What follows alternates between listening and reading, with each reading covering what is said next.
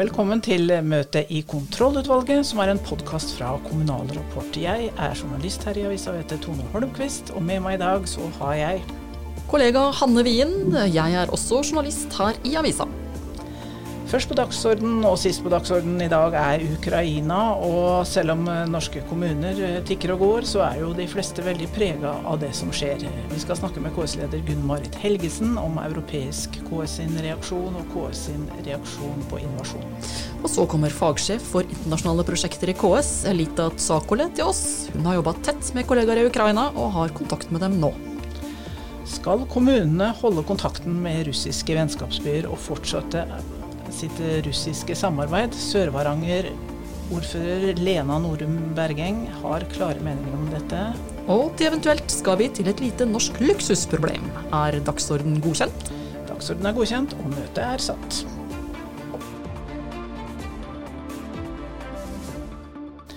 KS-leder Gunn-Marit Helgesen, du er jo også nestleder i CEMR, som er, også er en paraplyorganisasjon for kommuner og regioner i Europa.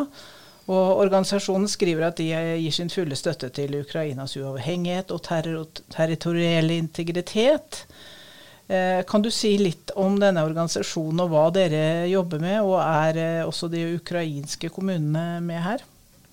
Ja, det er det. Og du kan si Det viktigste her er jo at eh, vi som lokale og regionale myndigheter fordømmer eh, Russlands eh, krigshandlinger i Ukraina. Eh, og Derfor så har vi også da bedt alle ordførere over hele holdt på å si verden, men iallfall i Europa om å skrive under på det oppropet hvor vi tar sterk avstand fra denne krigshandlingen til, til Russland.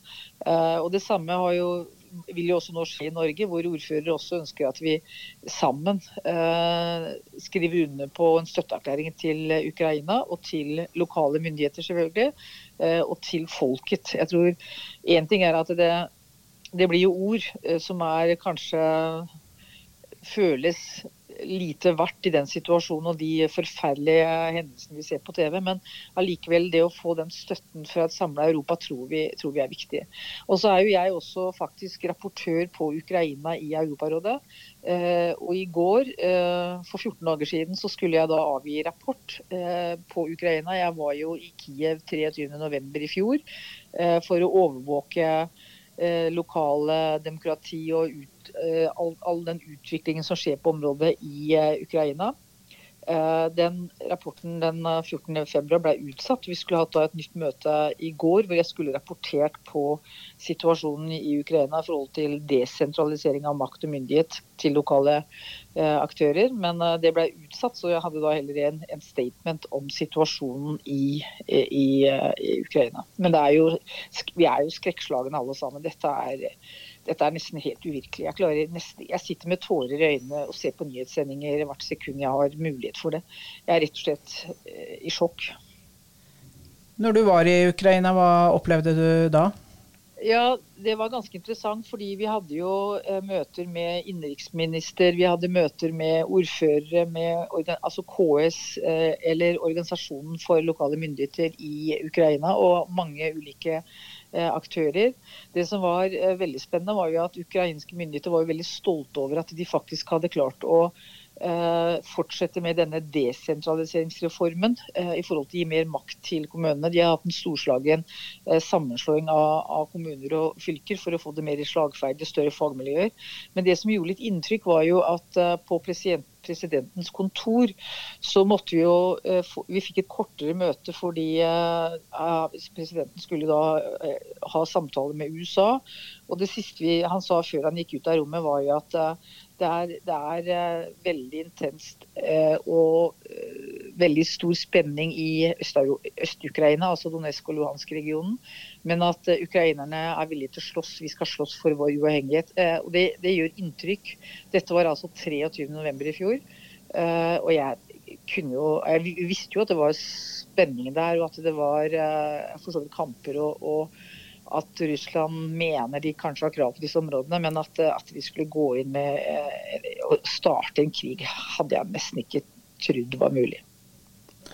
Takk til deg, Gunn Marit Helgesen. KS har hatt et nært eh, samarbeid med ukrainske kommuner i et eh, ti år langt eh, prosjekt. Og du som fagsjef for internasjonale prosjekter var med på det og knytta kontakter da til lokalpolitikere i Ukraina, Elita Sakole. Og hvordan reagerte du når du hørte om innovasjonen? Ja, det var eh, på torsdag i vinterferien. Eh, jeg sto opp og slo på, eh, på media, og så gråt jeg. Mm. Du... Jeg satt og gråt, og det er litt sånn en følelse av avmakt, forferdelse, og så se de, de, de bildene. Og, og, det er jo Man kunne også se at situasjonen var veldig anspent, og man kunne forvente en, en viss innovasjon, men at krigen, full krig skulle starte, det tror jeg ingen av oss var forberedt på. Du har jo vært eh, til stede i Ukraina flere ganger eh, i forbindelse med det prosjektet som KS eh, har hatt der nede. Gjør det at du opplever dette ekstra sterkt? Det er sikkert Vi har veldig mange nære kolleger. og Vi har jobbet sammen med i ti år. Og vi har på en måte vært med med de på forskjellige perioder for ganske turbulent historie og utvikling i Ukraina. Det har jo gått opp og ned i forhold til lokaldemokrati, i forhold til demokrati i regimene. Eh, så se det som skjer nå. Det er alle de menneskene, de, de nære menneskene som du relaterer deg til. Eh, er jo veldig sterkt. Men eh, også sannsynligvis jo det at jeg kommer fra, opprinnelig kommer fra Latvia. Fra de østlige regionene i, i, i, Latvia. Og som på en måte har vært også en historie som vi er felles eh, med eh, Ukraina. Og eh, jeg er jo gammel nok Eh, at jeg var selv som ung journalist på den tiden, i, i, i begynnelsen av 90-tallet, på barrikadene i Riga. Eh, når parlamentet var omringet, når Push startet. Vi var de eneste som eh, Vi har en sånn regional TV-stasjon i, i, i Ladgale, som den eneste som ikke ble tatt av russiske spesialstyrker i, i, på, i den Push-tiden. Og vi kringkastet, og vi satt i, i vaskedamers utstyr på et sted og prøvde å samle informasjon når alt var kuttet, og vi visste ikke om de kommer å ta det, det, er liksom alle disse Alt dette kommer tilbake til det? Kommer tilbake, hvor, hvor, hvor, hvor også jeg kjenner meg igjen i det at du på en måte, når, når inntreffer denne krisesituasjoner med ditt land Du tenker ikke så veldig mye på, på deg selv, men du, du, du, du, går og du gjør det som er rett og riktig. Eh, og det, det også ser jeg på mine kolleger, som gjør hva de kan. Og det er blitt igjen i, i Ukraina, i denne situasjonen som de står i. Har du hatt eh, kontakt med noen av kollegaene i Ukraina siden invasjonen? Ja, det, vi startet med en sånn at først eh, var det på kvelden en melding til titalls kolleger på, på, hvordan det går. Og så nå er det hver morgen.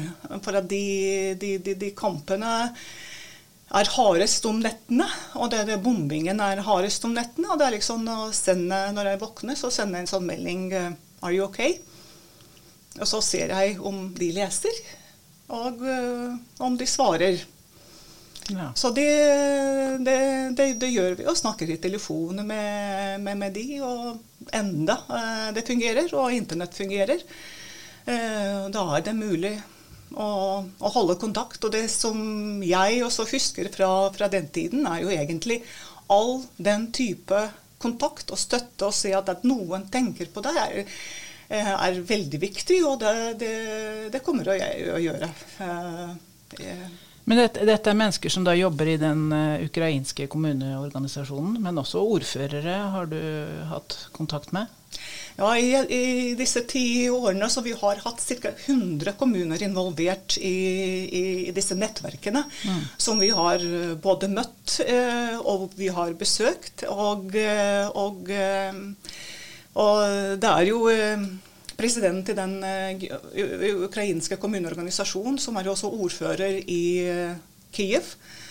Vitalij Klitsjko, som er jo også meldt seg i, i forsvaret av byen. Det er jo det er jo liksom én ting, og det andre som vi leser uh, Det er han som vi har lest om som er tungvektsbokser ikke sant, og verdensmester. Mm. Riktig. Ja. Eh, og, eh, men også de andre byene som vi, vi f.eks. der i, i sør-øst i, i, landet, som er nå i går er nå under russiske styrker, som gikk inn der. Og så så det, det, ordføreren gjør der, er jo at de har gått nå f.eks. tom for brød og ferske produkter, og noen som ikke har lager hjemme av de innbyggerne i den, i den eh, landsbykommuner. Så det hun gjør, er jo at hun eh, organiserer De har mel. Og de har åpnet, eh, åpnet en kafé og de organiserer folk som kan bake brød og, og gi til de som, eh, som har eh, behov. Eh, og, og, og, eh, apoteket, det eneste apoteket i denne landsbyen som eh, var stengt, som de åpnet, og så hadde de aggregat for å kunne for at betalings... at du kunne betale med kort, at det skulle fungere. De hadde aggregat, koblet det til, slik at man kunne visse timer man kunne kjøpe medisin. Det er, det er den type eh, aktivitet driver nå de ordførerne i, i, Ukraina. Noen organiserer sivil forsvar, koordinerer det, liksom. Andre, som jeg fortalte, også en eh, i, sentralt i Ukraina, så det ble jo skutt russisk eh, fly. Og de i den landsbyen de også så at to piloter hoppet fallskjerm. Så det var en sånn aksjon som startet med, en gang vi gikk ut. Gamle og, og unge. Kvinner og, og, menn. For å finne disse pilotene som hadde hoppet, hoppet ut. Så de gikk i skogen og, og fant de og tatt de Det er liksom Det er helt helt utrolige historier eh, som, som, deler våre kolleger i Ukraina. Hva tenker du at norske kommuner kan bidra med nå? Eh, jeg tenker altså, man, må tenke, man, må tenke, på, liksom, på kort sikt og lang sikt. Eh, og så på kort sikt så jobber vi nå med Polen, eh, med EUs midler som går til Polen, til kommunesamarbeid. Og nå Polen er jo det landet som tar imot nå flest flyktninger, ukrainske flyktninger. Og, og, der er det mulighet å komme inn i kontakt med polske kommuner. Eh, i prosjekter som er fullt finansiert, hvor også norske kommuner kan eh, få finansiert sin aktivitet. Og gjennom det samarbeidet med polske kommuner kan også eh, avhjelpe den flyktningsituasjonen som er nå i forhold til integrering, i forhold til, eh, til, til, til støtte osv. Så, videre. så det, hvis det er noen som eh, ønsker å gjøre noe med, så vi har nå 29 polske kommuner som vi prøver å få eh, eh, matchet med, eh, med, norske kommuner. Vi har klart ca. 16-17, men vi trenger flere til. Ja, og, det, og det, er, det, er, mange som eh, kontakter KS nå, mange eh, kommuner som gjerne da vil hjelpe. Og, og dette er et KS-styrt eh, prosjekt mellom norske og polske kommuner. Riktig. Ja. Eh, en del norske kommuner har også vennskapskontakter til Russland. Vennskapskommuner i Russland. Er det en kontakt som bør fortsette? Eh, her ser vi jo på, den, eh, på de retningslinjene som kommer fra Utenriksdepartementet. Og foreløpig er det ikke kommet noe. Eh, de i Utenriksdepartementet sier at de jobber med saken i forhold til både de regionale samarbeidsorganisasjoner som Barentssamarbeidet, Arktisk samarbeid. De lover at de kommer med noe mer informasjon og veiledning i dag. Det venter vi til å se på hvilke anbefalinger kommer fra Utenriksdepartementet. Og så er også det hovedstyrets sak eh, nå eh, i KS, hvor dette står eh, på agenda. Men kommuner er jo man jo tenke selv og sånn bestemme på hva i denne situasjonen man ønsker å gjøre med, med, med, med de innførte sanksjonene, med denne krigssituasjonen i Europa. Ja, men Da sier vi tusen takk til deg for at du stakk innom i studio, Elita Sakole.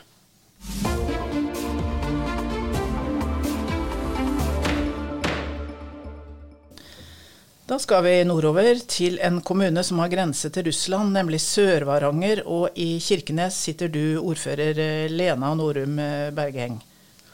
Sør-Varanger har jo to vennskapskommuner i Russland, og dere har flere samarbeidsprosjekter. Kan du si litt eh, om det?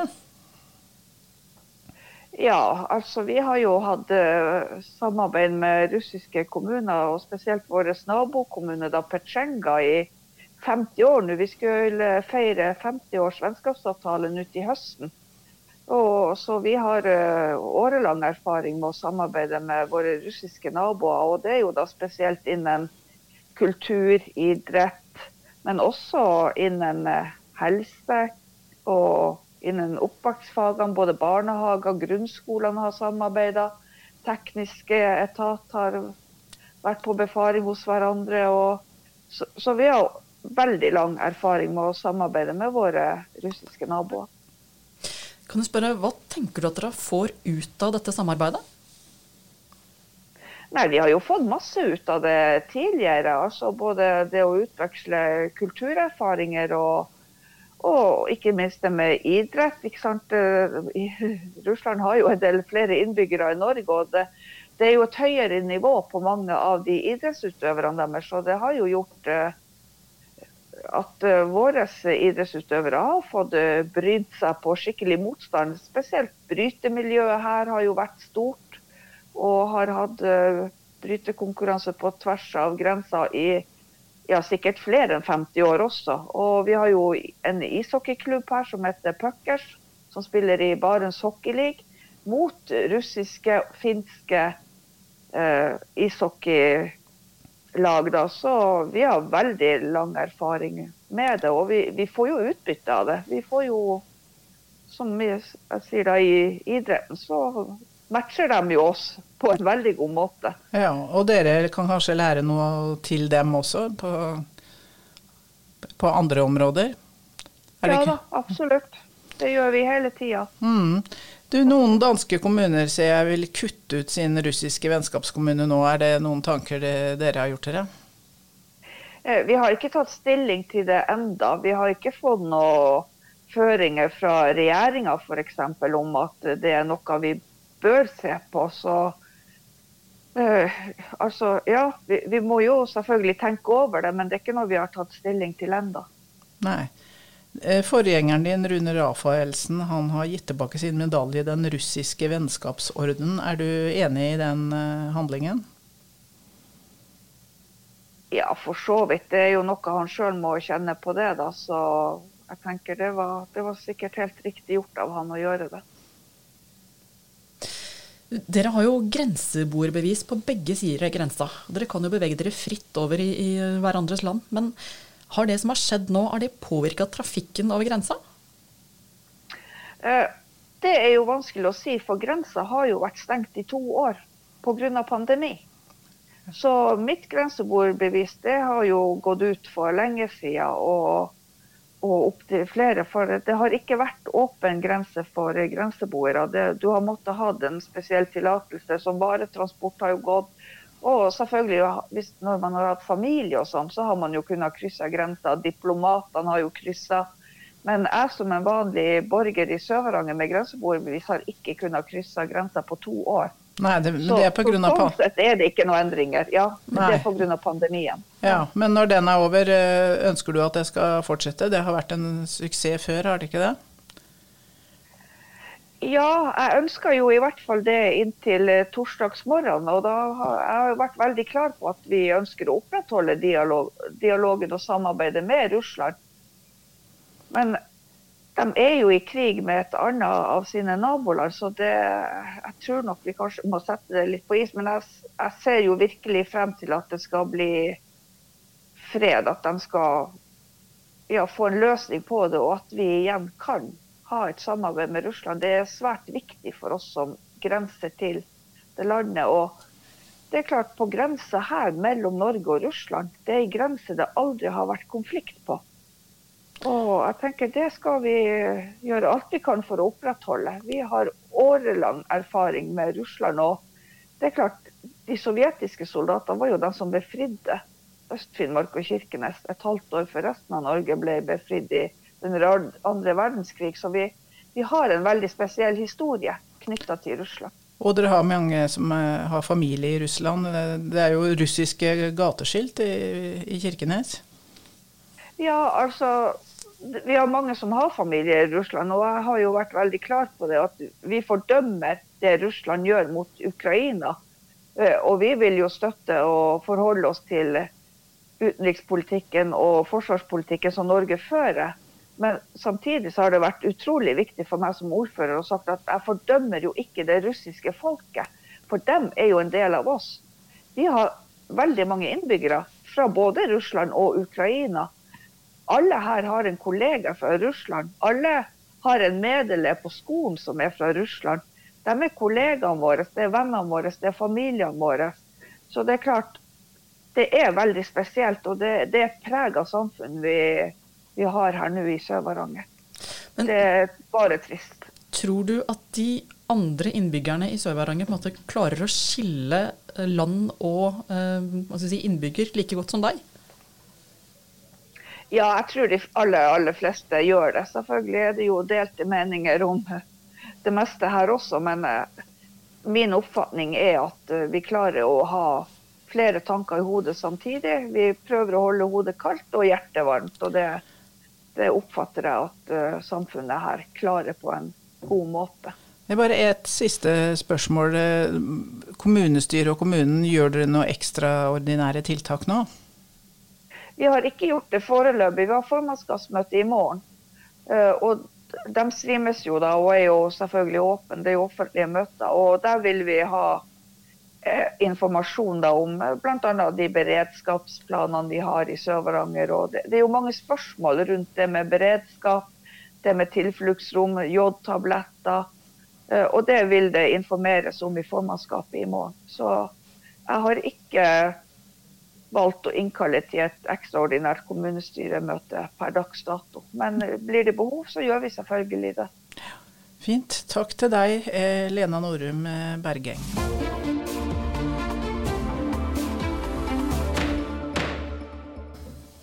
Ja, da har vi kommet til eventuelt. Og du Tone, du tenkte vi skulle løse et lite norsk luksusproblem.